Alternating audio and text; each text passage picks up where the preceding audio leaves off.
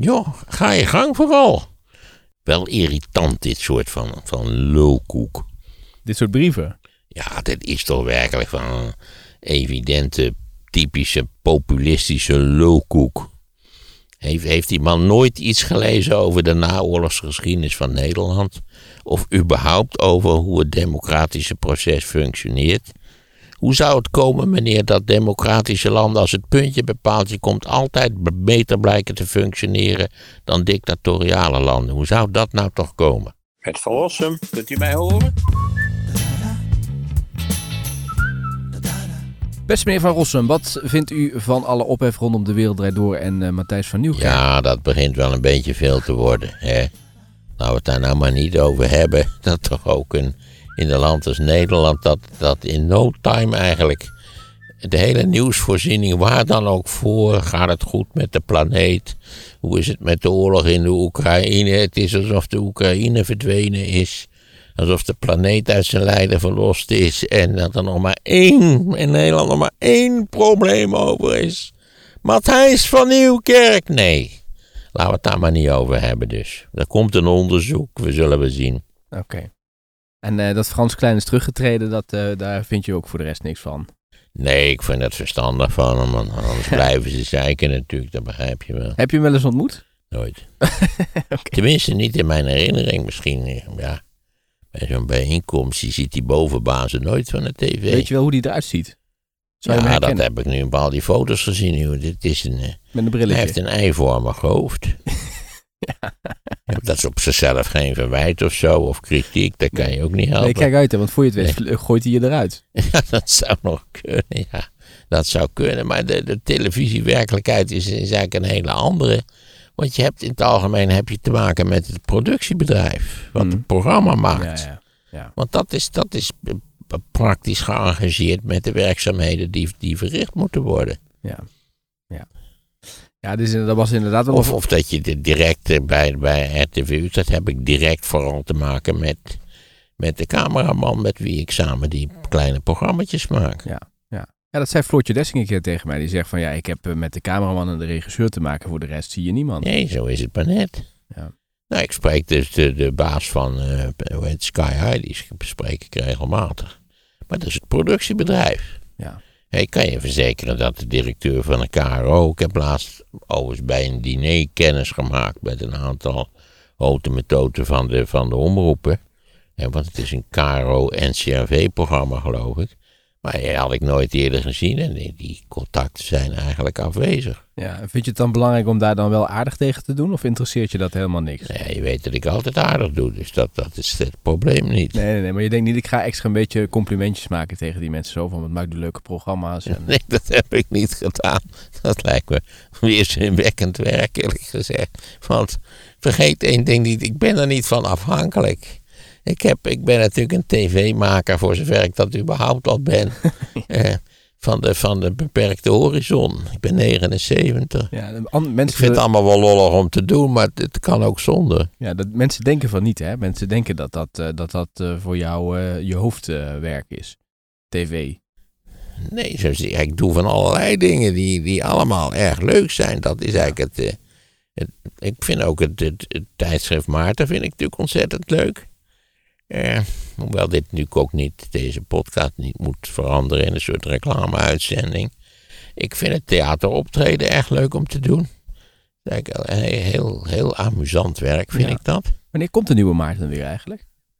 Nou ja, dat, die is, de, de productie is in zijn eindfase. Oh, oké, dus de stukken dus, zijn al ingeleverd? Ja, ja, ja, de stukken zijn al lang ingeleverd. Oh, oké. Is dit een kersteditie? Nou ja, begin december editie. Het is een kwartaalschrift. Dus dat betekent dat het natuurlijk wel drie maanden in de, in de schappen moet liggen. Ja, heeft Vincent geen column daarin? Vincent heeft laatst een voortreffelijk stuk geschreven over, over hoe heet het, ruimtelijke ordening in Nederland. Oh, wat leuk. Daar weet hij hartstikke veel van en daar is hij heel kritisch over. Ja. Wat is trouwens het verschil tussen, een column is vooral je mening, maar bij een essay, hè? Wat, wat zijn de voorwaarden? Ja, dat je wel aan de lezer uitlegt hoe het in elkaar zit en hoe het probleem, als er een probleem is ontstaan is, of, of hoe een probleem is opgelost of waarop het sowieso belangrijk is. Dat moet je dan allemaal uitleggen. Mhm. En een column, dat is natuurlijk inderdaad vaak alleen zeggen dat je iets slecht vindt of goed vindt. Ja, maar moet je bij een essay ook een bepaalde volgorde doen? Dat je in de inleiding vooral het probleem benoemt of, of al een argument aandient? Of is daar, zijn daar niet zo'n strikte regels aan? Daar zijn geen strikte regels voor, volgens mij. Oké. Je bent al lang blij als je het tenslotte op papier krijgt. En, eerst denk je ook altijd, die stukken in die maarten zijn er nog zo'n 24, 2500 woorden. En je denkt eerst altijd van, jongen, jongen, dat, ik ben gewoon klaar met dit hele zaak ja, na 900 woorden. En dan ga je zitten schrijven en dan tenslotte krijg je de grootste moeite om het toch te beperken tot 2500 woorden. Ja. Zit jij dan tussendoor wel te tellen van zoveel? Ja, zeker. Ik, eh, die tellerij daar linksonder van de Word-pagina's, dat hou ik scherp bij, ja. Ja. Je moet eigenlijk een soort van lijstje bijhouden of een dictafoontje waar je dingetjes kunt inspreken als je je te binnen schiet. Het, eh, qua Nee, ik heb zo'n aantekenboekje. Wat, wat, wat, je, wat me te binnen schiet, schrijf ik daarin op. Nou ja, maar misschien de, het slavernijverleden is misschien ook nog een leuk eh, onderwerp voor een essay. Nee, want daar weet ik veel te weinig van. Nou, Kijk, je kunt natuurlijk een, eh, je kunt een boek bespreken over de slavernij. Maar ik, ik kan daar niet iets aan toevoegen. Het is een langlopende discussie waar veel over geschreven is. Ja, je kun je beter bij David Brian Davis gaan kijken of zo. Oké, maar jij, de, de, de lezer verwacht misschien wel een beetje dat jij je voorbereidt en dat je dan een stuk schrijft. Eh, Als ik een stuk schrijf, dan eh, mag je aannemen dat ik er wel iets van af weet. Ja, dat, dat, dat wel. Dus die stukken gaan vaak over de Nederlandse politiek. Of die gaan over de Amerikaanse politiek. Of die gaan in bredere zin, laten we zeggen, over eh, problemen van de Atlantische gemeenschap. Laten we die ouderwetse term ook nog eens even gebruiken. Ja, en of natuurlijk het probleem van de democratie. Ja. Ja, omdat we natuurlijk in 89 allemaal dachten dat de democratie eeuwig en, en totaal getriomfeerd had. En ja, binnen enkele decennia de, de democratie eigenlijk vrijwel overal in de knel geraakt is. ja. En dat we natuurlijk ook eigenlijk die, die enorme populistische explosie niet echt aan hebben zien komen. Heb je nog gezien dat HP De Tijd eh, een stukje uit deze podcast ook als een artikel had gepresenteerd? Nee, dat wist ik niet. Nee. Ja, Ik vond dat, dat, dat- maar de tijdschrift verschijnt toch niet meer? Of hoe is dat dan? Jawel, dat bestaat nog wel. Iemand stuurde dat volgens mij van, kijk, eh, de mening van Maarten is opgetekend als een heel groot stuk in HP De Tijd. En het lijkt net alsof ze daar heel veel werk aan hebben gehad. Maar het is letterlijk, dus wat jij hebt gezegd, hebben zij overgeschreven. Dat vind ik wel creatief, moet ik Er zeggen. waren ook mensen boos die zeiden, wij betalen voor eh, kwaliteitsjournalistiek en jullie pennen gewoon iets over uit een podcast. Oh, kijk eens aan. Oké. Hey, ehm, even kijken, dan Oekraïne. Ja, dat ziet er somber uit. Kou is een kille moordenaar. Ja. Dat is wel wat je toch kunt concluderen. Kou is sowieso een moordenaar. Ik zag net een, een, een oversterfte-statistiekje. En dat is toch dat in de maand januari toch de, de oversterfte aanzienlijk is. En eerst loopt het op in de herfst en dan Sowieso in januari in de hele wereld bedoel je? Precies, ja. Ook in een, in een beschaafd normaal land als Nederland. Waar de kachel nog brandt, zal ik maar zeggen. Ja, net als honger. Dat is ook een moordenaar. Ja, ongetwijfeld. De hoeveelheid honger die in Nederland geleden wordt, lijkt, mij niet groot, eerlijk gezegd. Als je in Nederland honger lijdt, dan moet dat op enige wijze toch een beetje je eigen schuld zijn. Ja. Maar kou lijkt nu voor Poetin in ieder geval een middel om eh, de Oekraïners op ja, de knieën te het, krijgen. het is natuurlijk een wanhoopsmiddel. Het is duidelijk dat hij op het slagveld het, het Russische leger niets, nou, niets voorstelt, maar goed, steeds in het defensief is. eh, niet goed vecht, eh, voortdurend territoriaal verlies eh, moet inboeken. dus ja, hij, hij moet in feite de, de Oekraïne zodanig zien te kwetsen. Dat, dat over de winter heen hij misschien zijn zaken wat beter op orde kan, moet en kan brengen. En dan eens kijken hoe we in het voorjaar verder gaan. Ik zie ook, ik zie er voorlopig ook helemaal geen vrede of zo uitrollen. Nee. Terwijl natuurlijk voor Zelensky is het interessant als je niet waar het momentum aan jouw kant hebt, om dat ook zo lang mogelijk te benutten, dat momentum.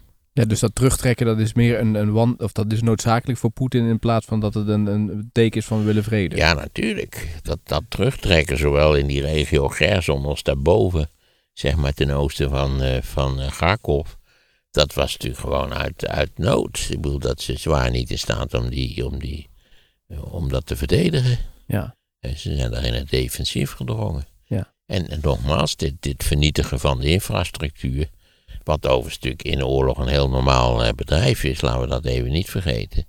Hoef je maar even terug te denken aan de Tweede Wereldoorlog, ja. Dat bestond voor een niet onbelangrijk gedeelte uit het vernietigen van de infrastructuur van de tegenstander natuurlijk. En dus ja, dat gebeurt nu weer. Dus wat moeten we sturen? Generatoren, zodat je overal lokaal ook energie kunt opwekken. Eh, en misschien houtblokjes, ik heb geen flauw idee eigenlijk. Ik dacht wel dat er aan gewerkt werd. Nou ja, er, er zijn ook mensen die zeggen de nood is nu echt aan de man. En er is ook eh, helemaal geen tijd voor zelffelicitaties in het Westen. We moeten gewoon zorgen dat we meer wapens sturen. Waarmee in ieder geval de Oekraïners die raketten die de infrastructuur vernielen, ja, kunnen dat- tegenhouden. Omdat het ook deels bleken het ballistische projectielen te zijn. Die natuurlijk veel lastiger te bestrijden zijn dan eh, het, het cruise type projectiel. Ja, die, kun je, die, komen, die zie je overkomen, die gaan ook niet zo verschrikkelijk hard. Die kun je in principe neerschieten. Maar een ballistisch projectiel loopt, heeft een ballistische baan en zal bij het neerkomen zie je hoge snelheden bereiken. Dus ja, eh, daar is ook wel iets aan te doen, maar dan moeten we echt wel. wel nou was weer sprake van de Patriot-raketten. Nou herinner ik me bepaald niet dat die buitengewoon effectief waren daar waar ze ooit zijn ingezet. Dus, maar goed, alles is waarschijnlijk eh, nuttig om te gebruiken eh, om, dit, eh, om dit, deze, ja, moet je dat terreur noemen? Nee, om deze aanpak eh, te bestrijden. Nou ja, het is toch de journalisten Ja, die op dat Rusland is natuurlijk wanhopig, dat voel je ook wel. En eh, kritiek in Rusland zelf neemt natuurlijk ook toe. Eh, daar zullen ook tal van mensen denken, hoe komen we in godsnaam van dat kwaadaardige dwergje af? Ja, want het schijnt ook helemaal niet meer makkelijk te zijn om kritiek te uiten. Dat wordt steeds moeilijker in Rusland. Nee, dat begrijp je wel. Maar goed, politiestaat was het al jaren, dus dat is nou weer niks nieuws onder de zon. Een van de redenen natuurlijk dat, dat ook de Oekraïne natuurlijk vanzelfsprekend voor het Westen heeft gekozen, is dat Rusland zich op zo'n onbeschrijfelijk loterige manier ontwikkeld heeft. Stel voor dat Rusland een vitale, leuke, aantrekkelijke, moderne democratie bezig was te worden, want dat is een complex proces. Dan zou natuurlijk ook die relatie Oekraïne-Rusland anders zijn dan die nu is. Ja. Maar zijn wij ons in het Westen voldoende bewust van wat voor ramp zich nu voltrekt? We weten al dat het ernstig is, maar zeker nu met die Ik denk kou. dat we ons daar wel van bewust zijn. Als je ooit een stukje over de hongerwinter hebt gelezen, dan moet je er toch wel van bewust zijn. Nou, er zijn toch kritische opmerkingen over van mensen die zeggen dat is niet zo. We, we, we, hebben, ons, we hebben niet door wat voor ramp zich daar nu voltrekt. Oh, nou, ik heb de brieven van mijn opa gelezen. Dezelfde opa weer die niet zo'n grote kok was, eerlijk gezegd. Maar En die er ja, was niet over, deed. over het brandstofprobleem. Die trok de polder in tegen zijn zestigste. Om daar dus eh, dode knotwilligen te kopen. Hm. om te verzagen. En die werden dan op een, een heel lullig salamanderkacheltje werd dat gestookt, waar je ook op moest koken. Ja, dat, dat is allemaal hartstikke primitief. Ik, ik moet zeggen, als, als mensen niet beseffen wat daar gaande is, lees dan eens wat over het laatste oorlogsjaar, 44, 45. Ja. Dan krijg je waarschijnlijk een heel aardig beeld. Hier staat wat ontbreekt is het gevoel van urgentie over de Russische campagne om de Oekraïnse civiele infrastructuur deze winter uit te schakelen. De barbaarsheid ervan wordt on- eh, onderkend. De dodelijke effectiviteit ervan blijkbaar onvoldoende, schrijft Nou, ik weet het niet. Eh, Hoe, hoe, waar is dat even uit afgeleid? Was dat een opinieonderzoek of zo? Of, of, of, Arnoud Brouwers zegt dit in de Volkskrant. Ja, hij heeft mij niet gebeld, maar dan had ik gezegd, ja, ik ben me daar volledig van bewust. Ik moet er niet aan denken. Ik zal nog even voorlezen wat hier, wat hier schrijft. Het Westen is de gevangene geworden van de beperkingen die het zichzelf oplegt. Het helpt Oekraïne genoeg om niet van de kaart geveegd te worden, maar onvoldoende om zich te weren tegen Russische raketten Ja, en dat is ook een hele vervelende balanceeract die daar opgevoerd moet worden. Iedereen begrijpt ook wel dat je het niet zo ver moet laten komen dat toch via via via een omweg de NATO in, in oorlog raakt met, eh, met Rusland. Dat, dat is, daar hebben we niks aan. Dus je moet steeds aftasten. Mijn indruk is ook dat er nu om die, eh, deze campagne te bestrijden ook materiaal naar de Oekraïne wordt gestuurd, waarvan eerst sprake was dat het niet gestuurd zou worden. Dat de Duitsers en de Amerikanen apparatuur gingen sturen. Het interessante was dat de Israëli's op dit punt ook wel wat kunnen, maar daar niet zoveel zin in hadden, omdat ze de relaties met Rusland goed wilden houden. Waarom? Werd in het stuk niet uitgelegd. Dus ja, eh, ik ben, eh, ja, je moet sturen wat we kunnen sturen en afgestemd op de problemen die zich voordoen. Ja. Eh, wat, hij, wat hij voor de rest nog zegt is dat Rusland eh, escaleert maximaal in de conventionele oorlogsvoering en zonder enig respect voor het oorlogsrecht. Het Westen staat op de rem. Ja, ik, ik kan me eigenlijk niet zo geweldig een oorlog voorstellen waar voortdurend rekening wordt gehouden met het oorlogsrecht. Ja, Wat houdt het eigenlijk in het oorlogsrecht?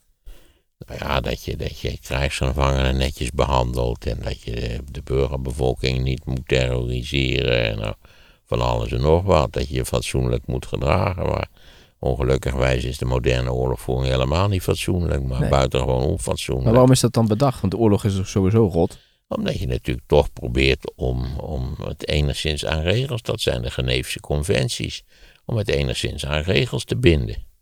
Ja, wie had ooit gedacht dat Poetin zich aan regels zou willen houden? Het is een boevenpak. Nou, want ja, dat is nou toch eh, geen nieuws. Rusland wordt gerund door dieven en moordenaars. Hm. Eh, en als, als, er- als de moordenaars een beetje op hun, op hun nummer moeten worden gezet, dan moet dat door de dieven gebeuren die het gevoel hebben dat de dief, hun diefpraktijken eigenlijk niet zo goed meer lopen. Ja, Of in de problemen zijn geraakt. ja. En, en, Het is een gruwelijk regime. hm. Maar vind je het terecht dat, dat hij hier schrijft het Westen staat op de rem? Want, want dat klinkt dus eigenlijk door... Nou, ik heb wel begrip. De rest staat op de rem. Dat is natuurlijk ook weer zo'n. Ja, is vlot opgeschreven. Eh, Het Westen moet zich steeds afvragen. wat zijn de risico's die inherent zijn in de situatie. Eh, dus ja, op de rem. Ja. Ik bedoel, stel voor dat hij het ineens voor het vertellen kreeg. zou hij zeggen: geen gelul. Eh, huppakee, we eerste de beste. NATO-panzerdivisie kan, eh, kan naar het front gestuurd worden. Nee, natuurlijk. Nee, dus dat is een, dat is een. Hè, wat doe je wel, wat doe je niet? Daar heb ik wel begrip voor. En dat, dat dit, nu is deze campagne begonnen. Het is duidelijk dat die campagne vrij effectief is bovendien. Ja, ze weten natuurlijk precies waar al die rommel staat. Eh, dat zal wel ergens in Moskou in een archiefje liggen. Eh, dus nu moeten we ons afvragen, wat moeten we nu sturen? Maar ik begreep dat er al op grote schaal generatoren werden gestuurd. Ja, maar de VN stuurt geen Patriot luchtverdedigingssysteem. Nederland Oh. heeft dat trouwens ook, dus wij kunnen, zouden dat ook kunnen sturen. Oké, maar daar is nu, wordt nu wel over gesproken. Hey, en eh, wat vind je ervan dat Poetin, want die kent ons natuurlijk wel een beetje hier in het Westen, en die weet het Westen is altijd redelijk terughoudend. En daar kan hij gebruik van maken. Hij kan eigenlijk doen onder onze ogen wat hij wil. Ja, dat, dat, dat is in feite zelfs, eh, natuurlijk, dat is in 2014 gebeurd. En, en nou, toen hebben we in feite niks gedaan. Dus hij heeft in 2021 en 2022 gedacht, ze doen toch niks. En Merkel is weg, dus die eh, hoef ik ook niet meer bang voor te zijn. Ik weet trouwens niet of dat zo is, of dat een rol heeft gespeeld. En, en, en vervolgens, laten we nou eerlijk zijn, is die werkelijk op gruwelijke wijze op zijn nummer gezet. A, omdat het Oekraïense leger tip-top bleek te kunnen vechten. B, omdat het Russische leger er geen bal van terechtgebracht heeft. En C, omdat het Westen massaal achter de Oekraïne is gaan staan.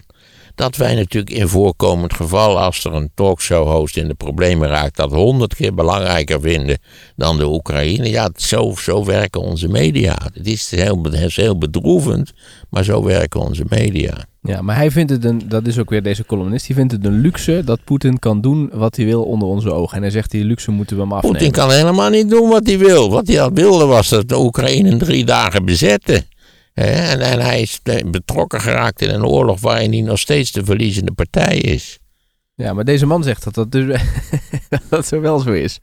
Dan weet Ja, dus hij niet- kan zoveel zeggen, maar het lijkt mij dat, het, dat de werkelijkheid in strijd is met zijn beweringen. Oké, ik, le- ik lees je nog één ding voor. Hij zegt die luxe moeten worden ontnomen. En dat kan ook, want het militair verzwakte Rusland kan zich nu echt geen directe confrontatie met de NAVO veroorloven. Nee, maar mag ik er nog op wijzen dat eh, Rusland een zeer omvangrijk nucleair bewapend is. Na de Verenigde Staten verreweg de belangrijkste nucleaire mogendheid in de wereld.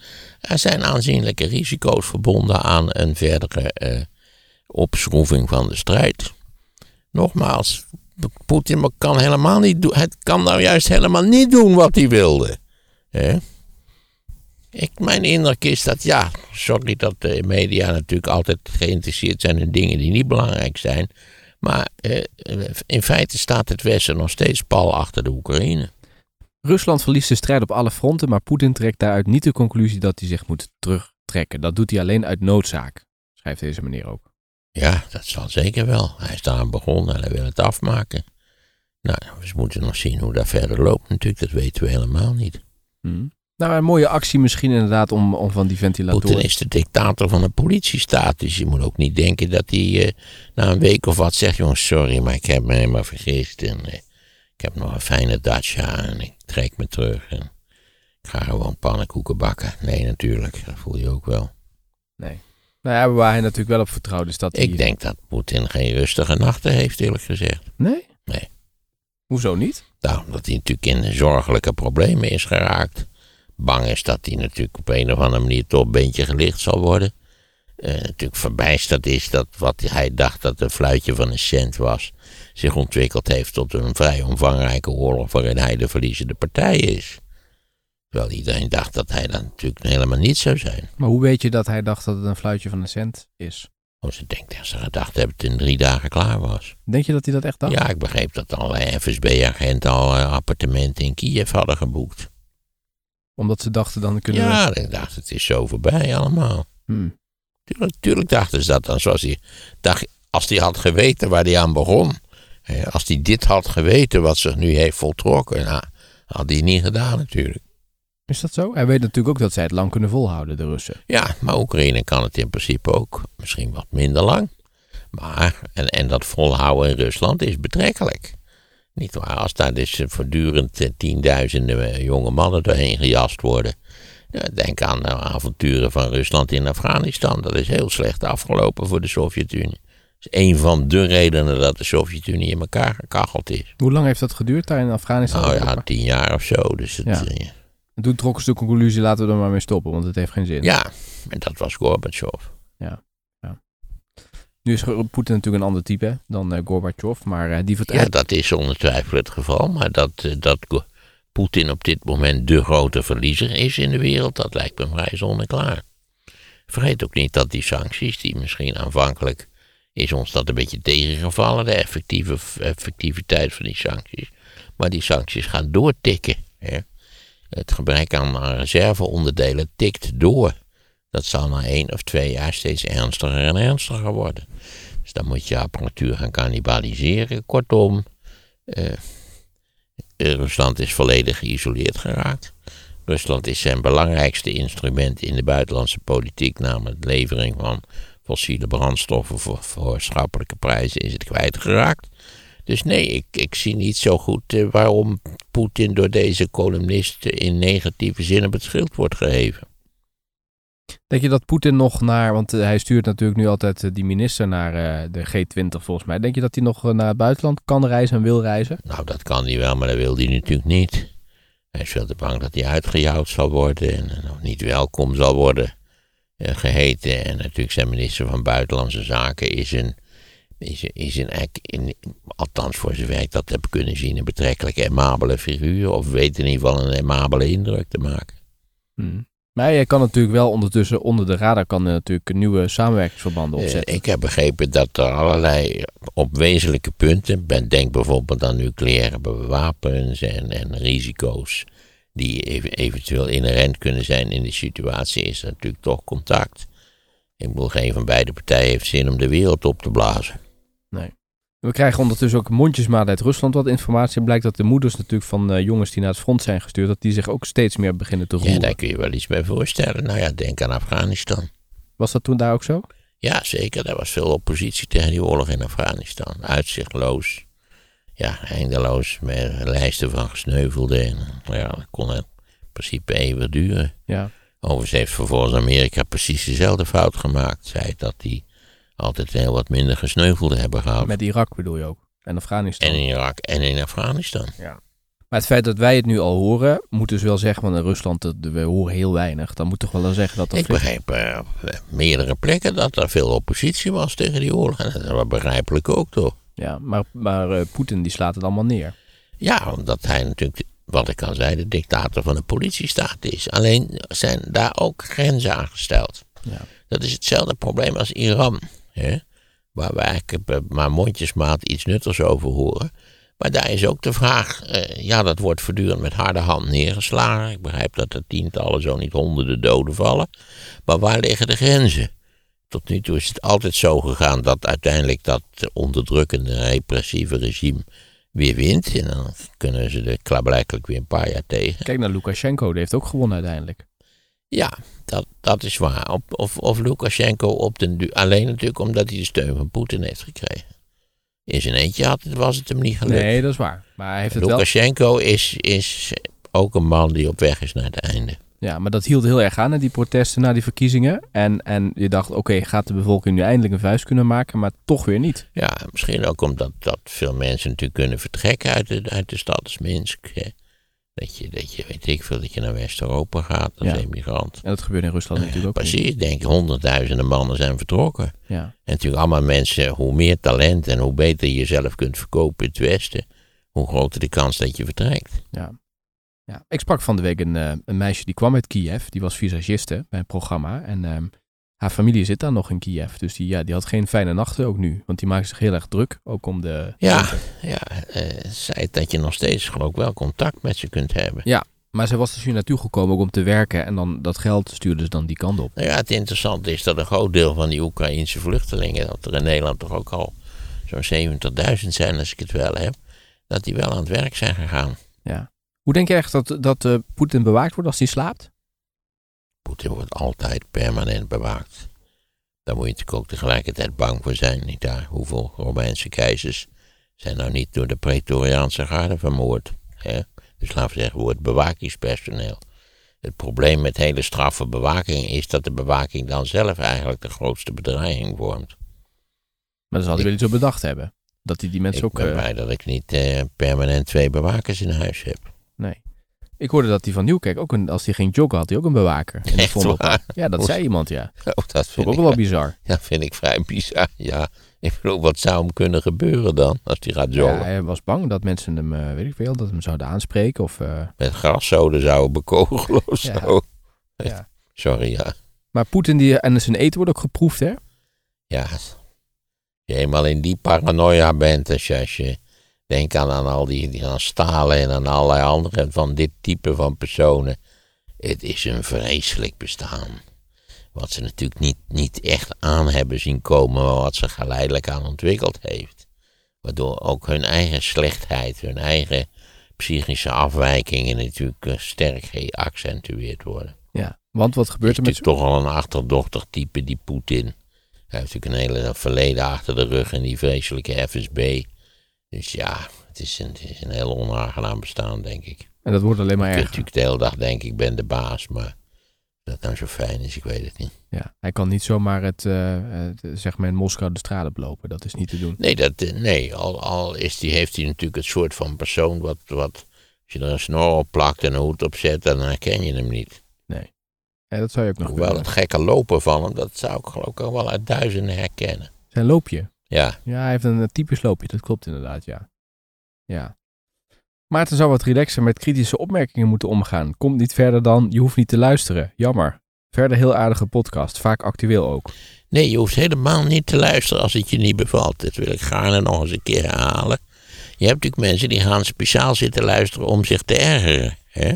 Dat is die fameuze, die zin ooit in... Je had in het oude Vrij Nederland, toen dat nog bestond, had je een rubriek die heette Douwe Trant. Die werd er geschreven volgens mij door Rinus Ferdinandussen. En daar is een fameuze zin uit dat... eh, en die zin die luidt, min, min, kom gauw kijken, het is weer kwetsend. Hij zit naar de tv, Douwe zit naar de tv te kijken. Dat zijn grote groepen die alleen kijken om, om iets kwetsen, om te zeggen, dat is toch schandelijk dat dat mag. En ja, enzovoort, enzovoort. Je keek speciaal naar de VPRO omdat het vaak kwetsend was. En dan, nou ja, de Telegraaf had er een hele industrie van gemaakt. Hè. En dan eh, na het weekend schandelijke uitzendingen. Vragen in de Kamer. Nou ja, je weet dat ook over mij vragen in de Kamer zijn gesteld. Hoe heet die mafkees? Eh, ik ben nou zijn naam al Haga. Ah, Haga van Haga. Ja. ja, dus mensen vinden het heerlijk. Vandaar dus mijn, eh, mijn, mijn misschien wat loszinnige uitspraak. Joh, als je niet bevalt, je hoeft helemaal niet te kijken, te luisteren. Het kwetsend vindt of wat je anderszins ermee oneens bent. Maar deze man zegt, je moet, als er kritiek komt, moet je er inhoudelijk op ingaan. En het niet wegwijven van je hoeft niet te luisteren. Oh, ik- volgens mij gaan wij heel regelmatig in op, op, op kritiek, toch? Oké, oké. Nou ja, dat zegt deze man. Behalve natuurlijk als die kritiek van, van hoe heet die ook alweer komt, dat het, het moest levendiger, toch? Koos. Oh ja, Koos. Ja, Koos, ja, werd, daar heb ik een beetje geoefend met liedjes en zo, maar dat is niks geworden. nee. Koos was laatst nog, werd hij geïnterviewd bij die podcastprijs. Daar kwam hij nog op het podium, kwam hij nog helemaal uitleggen hoe het allemaal moet. Oh, kijk aan. ja, ja, ja. Ja, het zal hem opgevallen zijn dat ik notabene in twee verschillende rubrieken genomineerd was. ja. Nou weet je dat er 65 podcasts waren genomineerd. Dat vond ik al zo komisch eerlijk gezegd. Even kijken, Iedereen kan het je schelen. iedereen die niet gaat stemmen moet ook zijn mond houden over de Ja, democratie. zo is het. Ik stem altijd, dus ik heb blijkbaar toestemming van de heer Van Rossum. Maar van een historicus had ik wel een intelligentere opvatting verwacht. Ah, daarom, ook, weer. daarom ook een zeer negatieve brief. De invloed dat wij als electoraat uitoefenen op het uiteindelijk bewind is gering. Dat is ook de mening van steeds meer mensen om mij heen, waaronder jongeren. Maar nee, de heer Van Rossum zegt stevast gewoon meedoen of je mond houden. Sorry, maar als ik dit soort oude onzin wil horen, dan luister ik wel naar de mainstream media. Joh, ga je gang vooral. Ik zit er helemaal niet mee. Als je een klein beetje na zou kunnen denken, en dat blijkt bepaald niet uit deze brief, dan zou je weten dat het electoraat en de verschuiving in het electoraat een enorme impact hebben op de politieke gang van zaken en dus ook op het besluitvormingsproces in onze samenleving. Maar ja, kennelijk heb je nooit iets gelezen wat ouder is dan twee weken. Of, of hang je de PVV-ideologie aan over het nepparlement. Want dit is, wat u debiteert is gewoon aantoonbare kletskoek. Maar nogmaals, ik gun u graag de mainstream media. Eigenlijk ben ik toch ook wel een beetje mainstream Ja, ik media, wou net of zeggen, ja. Wel irritant, dit soort van, van lulkoek. Dit soort brieven. Ja, dit is toch werkelijk van evidente, typische, populistische lulkoek. Heeft, heeft die man nooit iets gelezen over de naoorlogsgeschiedenis van Nederland? Of überhaupt over hoe het democratische proces functioneert? Hoe zou het komen, meneer, dat democratische landen als het puntje bij paaltje komt altijd beter blijken te functioneren dan dictatoriale landen? Hoe zou dat nou toch komen? Ja. Hij noemt zichzelf Tuxki. Ook nog anoniem. Had je eerder moeten zeggen, want dan had ik niet geantwoord. Sorry. Sorry. En dan hebben we hier nog voor het slapen gaan nog eh, een nieuwe eh, podcast luisteren. De wijze waarop Maarten eh, de verrafeling van Rutte beschrijft laat een grote glimlach achter. Heerlijk om mee in slaap te vallen. Ga zo door. Kijk, zo horen we het liever. Heerlijk om bij in slaap te vallen. Hè? Ga je nu nog naar het land, ergens in het land verhalen vertellen vandaag? Niet vandaag, maar ik ben gisteren in Barendrecht geweest. Oh, dat vertelde al, ja. ja. En de dag daarvoor in Alblasserdam. Oké. Oké. En loopt het nog goed een beetje met het eh, lezingencircus? Hartstikke goed, ja. Ja. Sterker nog, ik heb de indruk, maar ik weet, kan het totaal niet bewijzen, dat, dat, eh, dat de, z- de zalen die heel goed gevuld zijn, dat dat door de podcast nog weer beter geworden is. Oké. Maar ik geef toe dat dit, dit is een conclusie die niet gebaseerd is op enig steekhoudend Heeft de onderzoek. Volkskrant geen onderzoek naar gedaan? Nee. Hey, en eh, ik zag nu dat ook dat Diederik Gommers, dat die is nu ook onze collega geworden. Die is- doet ook dit soort dingen in het land. Oh, kijk eens aan. Want die is natuurlijk niet meer zo vaak op tv, dus die zit nu ook allemaal bij events. Ik weet niet wat hij daar gaat vertellen. Kortom, maar- hij is wel een beetje verslaafd geraakt Ja, aan de publiciteit. dat denk ik. ik, ja. Dat denk ik, ja. Oké, nou, we hebben volgens mij eh, de meeste dingen weer besproken. Volgende keer eventjes eh, even helder hebben. Dan hebben we dus een andere uitvinder nog en Vichy. Ja, en ik denk... Ja, ik doe op Vichy en een uitvinder. Nou goed, dat zal ik even bekijken. De slimste is morgen. En de slimste is woensdag. En, en woensdag wordt de finale opgenomen. Oh, jullie zijn jullie heel ver. Hebben jullie het tempo gemaakt? Ja, het zijn er nu 29. Ze hebben er ons één ontstolen. En we zijn verhuisd van 2 naar 1. Ja, NPO 1, dan krijg je wel meer kijkers. Ja, dat, nee, we hadden... Ik denk dat we eens een beetje aan onze max zaten. Ja, de Wereld Draait Door ging ook van Hoe je nog 3. meer kijkers moet, moet trekken voor de slimste mens. Het zijn er al, al meestal Ja, maar over ik de denk, dat, miljoen. je- ik denk dat je dan nog meer... Ik denk dat je nu naar de 2 miljoen gaat. Denk je dat? Ja, maar dat moeten we die mevrouw van die, die toen, eh, die, die kijkcijferkoningin. Die Tina nog wat, die ook bij Renze toen was. Die dat allemaal onderzoekt. Oh ja, die mevrouw die bij SBS 6 werkt. Ja, die weet dat allemaal. Die onderzoekt dat allemaal.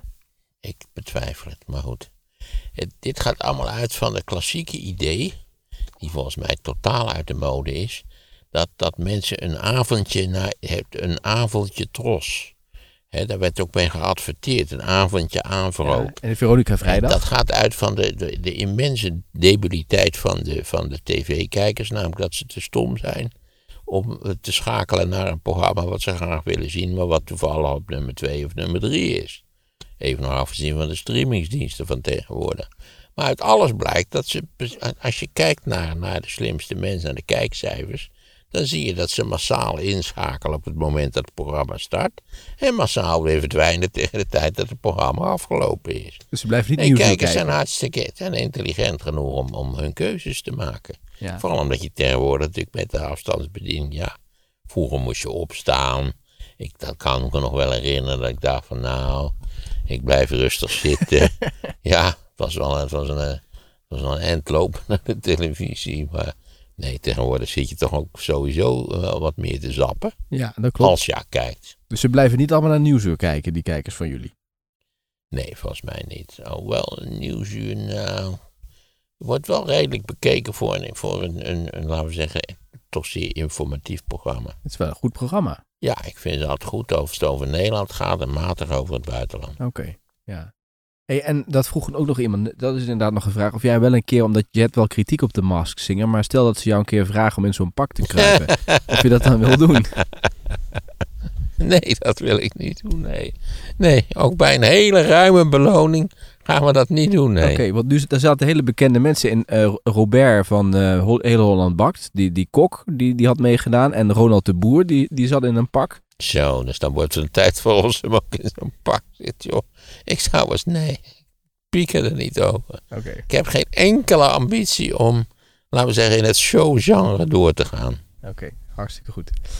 Oké, nou dan hoop ik dat Maar volgende... ik vind het wel een leuk voorstel dat iemand sowieso op het idee komt dat ik dat eventueel zou willen doen. Vind ik toch al. Geef wel aan dat ze mij een aanzienlijke flexibiliteit toeschrijven, Ja, toch? want je, hoeft, eh, je bent dan niet herkenbaar in beeld. Je zit in dat pak en dan moet Ja, maar je komt er toch wel uit. Dat is dan Ja, de verrassing, toch? Nee, maar dan moet Gerard Joling moet eerst raden wie en er in dat bovendien pak moet zit. je een lied zingen, toch? Ja, dat is allemaal opgenomen van tevoren. Je moet het playbacken. Je moet het van tevoren ergens Ja, in daar heb ik geen verstand van. Nee, ik ga het niet doen. Nee. Ik heb helemaal geen tv-ambities in feite.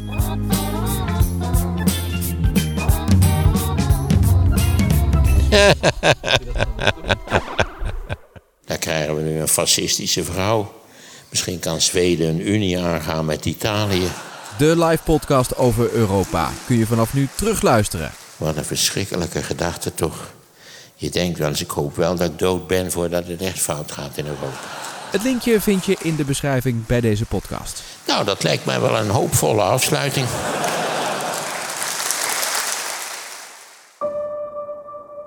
We hebben met z'n allen een chronisch tekort aan slaap en dat zorgt voor veel conflicten thuis, maar zeker ook op het werk. Met een paar simpele stappen kunnen we dat verhelpen en zorgen we dus voor een betere verstandhouding met vrienden en collega's. Julian van Somnox is daar elke dag mee bezig en heeft een paar concrete tips die je vandaag gelijk al kunt toepassen. Het gesprek dat ik met hem had vind je via de link in de show notes.